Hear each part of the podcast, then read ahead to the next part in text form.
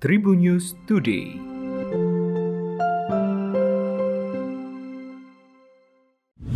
Halo Tribuners, berjumpa kembali bersama Hakim di Tribun News Today dan Hakim akan berbagi informasi menarik hari ini mulai dari informasi nasional, regional, selebritis dan juga olahraga. Presiden Joko Widodo mengungkapkan kriteria calon pemimpin ibu kota negara atau IKN yang baru yaitu Kota Nusantara. Di antaranya pernah menjadi kepala daerah dan juga seorang arsitek. Diketahui kepala daerah yang memiliki latar belakang arsitek antara lain adalah Gubernur Jawa Barat Ridwan Kamil, ex-wali kota Surabaya Tri Risma Harini, wali kota Makassar Dani Pomanto atau Gubernur Aceh Nova Iriansyah. Menanggapi hal tersebut, pengamat politik dari Direktur Eksekutif Parameter Politik Indonesia, Adi Prayitno menilai, cukup rumit menebak siapa sosok kepala daerah berlatar belakang arsitek yang dimaksud oleh Jokowi.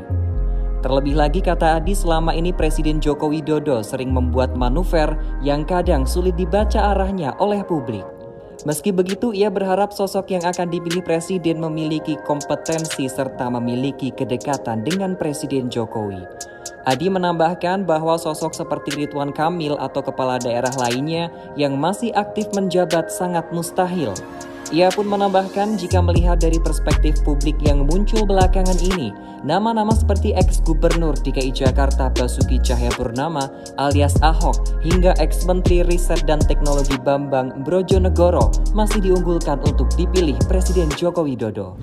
Kecelakaan mau terjadi di Simpang Rapak Balikpapan, Kalimantan Timur pada Jumat 21 Januari 2022 pagi hari. Kecelakaan tersebut terekam CCTV dan videonya ramai berada di masyarakat. Dalam rekaman CCTV yang berdurasi 41 detik itu, menunjukkan situasi lalu lintas di kawasan Jalan Soekarno-Hatta, Muara Rapak Balikpapan pada Jumat 21 Januari pukul 6 lewat 19. Saat itu arus lalu lintas kendaraan cukup padat. Pada detik ke-20, dalam video tersebut, truk jenis Fuso berkelok-kelok menghindari pengendara dari turunan Muara Rapak. Beberapa saat kemudian truk tersebut menabrak kendaraan yang tengah menunggu traffic light. Kepala Bidang Humas Polda Kaltim Kombes Yusuf Sutejo saat berbicara di Kompas TV mengatakan truk tronton tersebut mengangkut kapur pembersih air seberat 20 ton. Hasil pemeriksaan awal diduga truk mengalami remblong. Untuk kendaraan yang terlibat roda 4 ada 6 unit, sedangkan roda 2 14 unit yang menjadi korban. Kompas.com melaporkan mulanya truk tronton tersebut bergerak menuju Kampung Baru Balikpapan. Truk bernomor polisi KT8534AJ itu dikendarai oleh Muhammad Ali, 48 tahun. Begitu tiba di depan Raja Wali Foto yang so hmm. Begitu tiba di depan Raja Wali Foto, sang sopir mulai mengurangi porseneling dari 4 menuju 3. Namun sesampai di depan Bank Mandiri persis jalan turunan Simpang Muara Rapak, rem truk mendadak blong alias tidak berfungsi. Akibatnya truk itu meluncur laju menabrak pengendara yang sedang berhenti mengantri menunggu pergantian lampu merah di traffic light Muara Rapak. Denny Sumargo angkat bicara mengenai konflik Faisal dan juga Dodi Sudrajat, kakek dari Galaskai Ardiansyah yang menjadi sorotan publik selama ini. Denny Sumargo menilai bahwa konflik Faisal dan Dodi Sudrajat sudah melebar ke mana-mana karena masalah utamanya adalah hak asuh atau perwalian saja. Bahkan diakui pria yang akrab disapa Densu itu, konflik Faisal dan juga Dodi Sudrajat berbuah hujatan dari warganet di media sosial. Pria 40 tahun itu merasa konflik Faisal dan juga Dodi Sudrajat tidak perlu diperpanjang karena hal itu akan ditakutkan untuk mengganggu pertumbuhan Galaskai. Oleh karena itu, Denny Sumargo berharap Faisal dan juga Dodi Sudrajat memperkecil masalah yang ada dan tidak perlu lagi diumbar ke ranah publik. Ketua Umum Federasi Panjat Tebing Indonesia atau FPTI Yeni Wahid menargetkan atlet panjat tebing Indonesia bisa meraih dua medali emas pada kejuaraan dunia panjat tebing yang rencananya akan dihelat di Indonesia pada Oktober mendatang.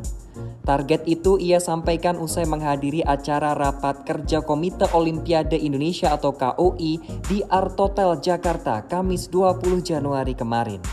Untuk atlet yang ditargetkan Yeni belum bisa membeberkan lantaran masih banyak atlet yang mempunyai potensi di luar Ari Susanti dan Rahmat Adi Mulyo. Ari Susanti sendiri merupakan atlet andalan Indonesia yang sukses memecahkan rekor dunia pada nomor speed dan mencatatkan empat kali juara dunia. Sementara itu Rahmat Adi Mulyono meraih medali emas pada kejuaraan panjat tebing internasional atau IFSC Connected Speed Knockout dengan catatan 5.770 detik.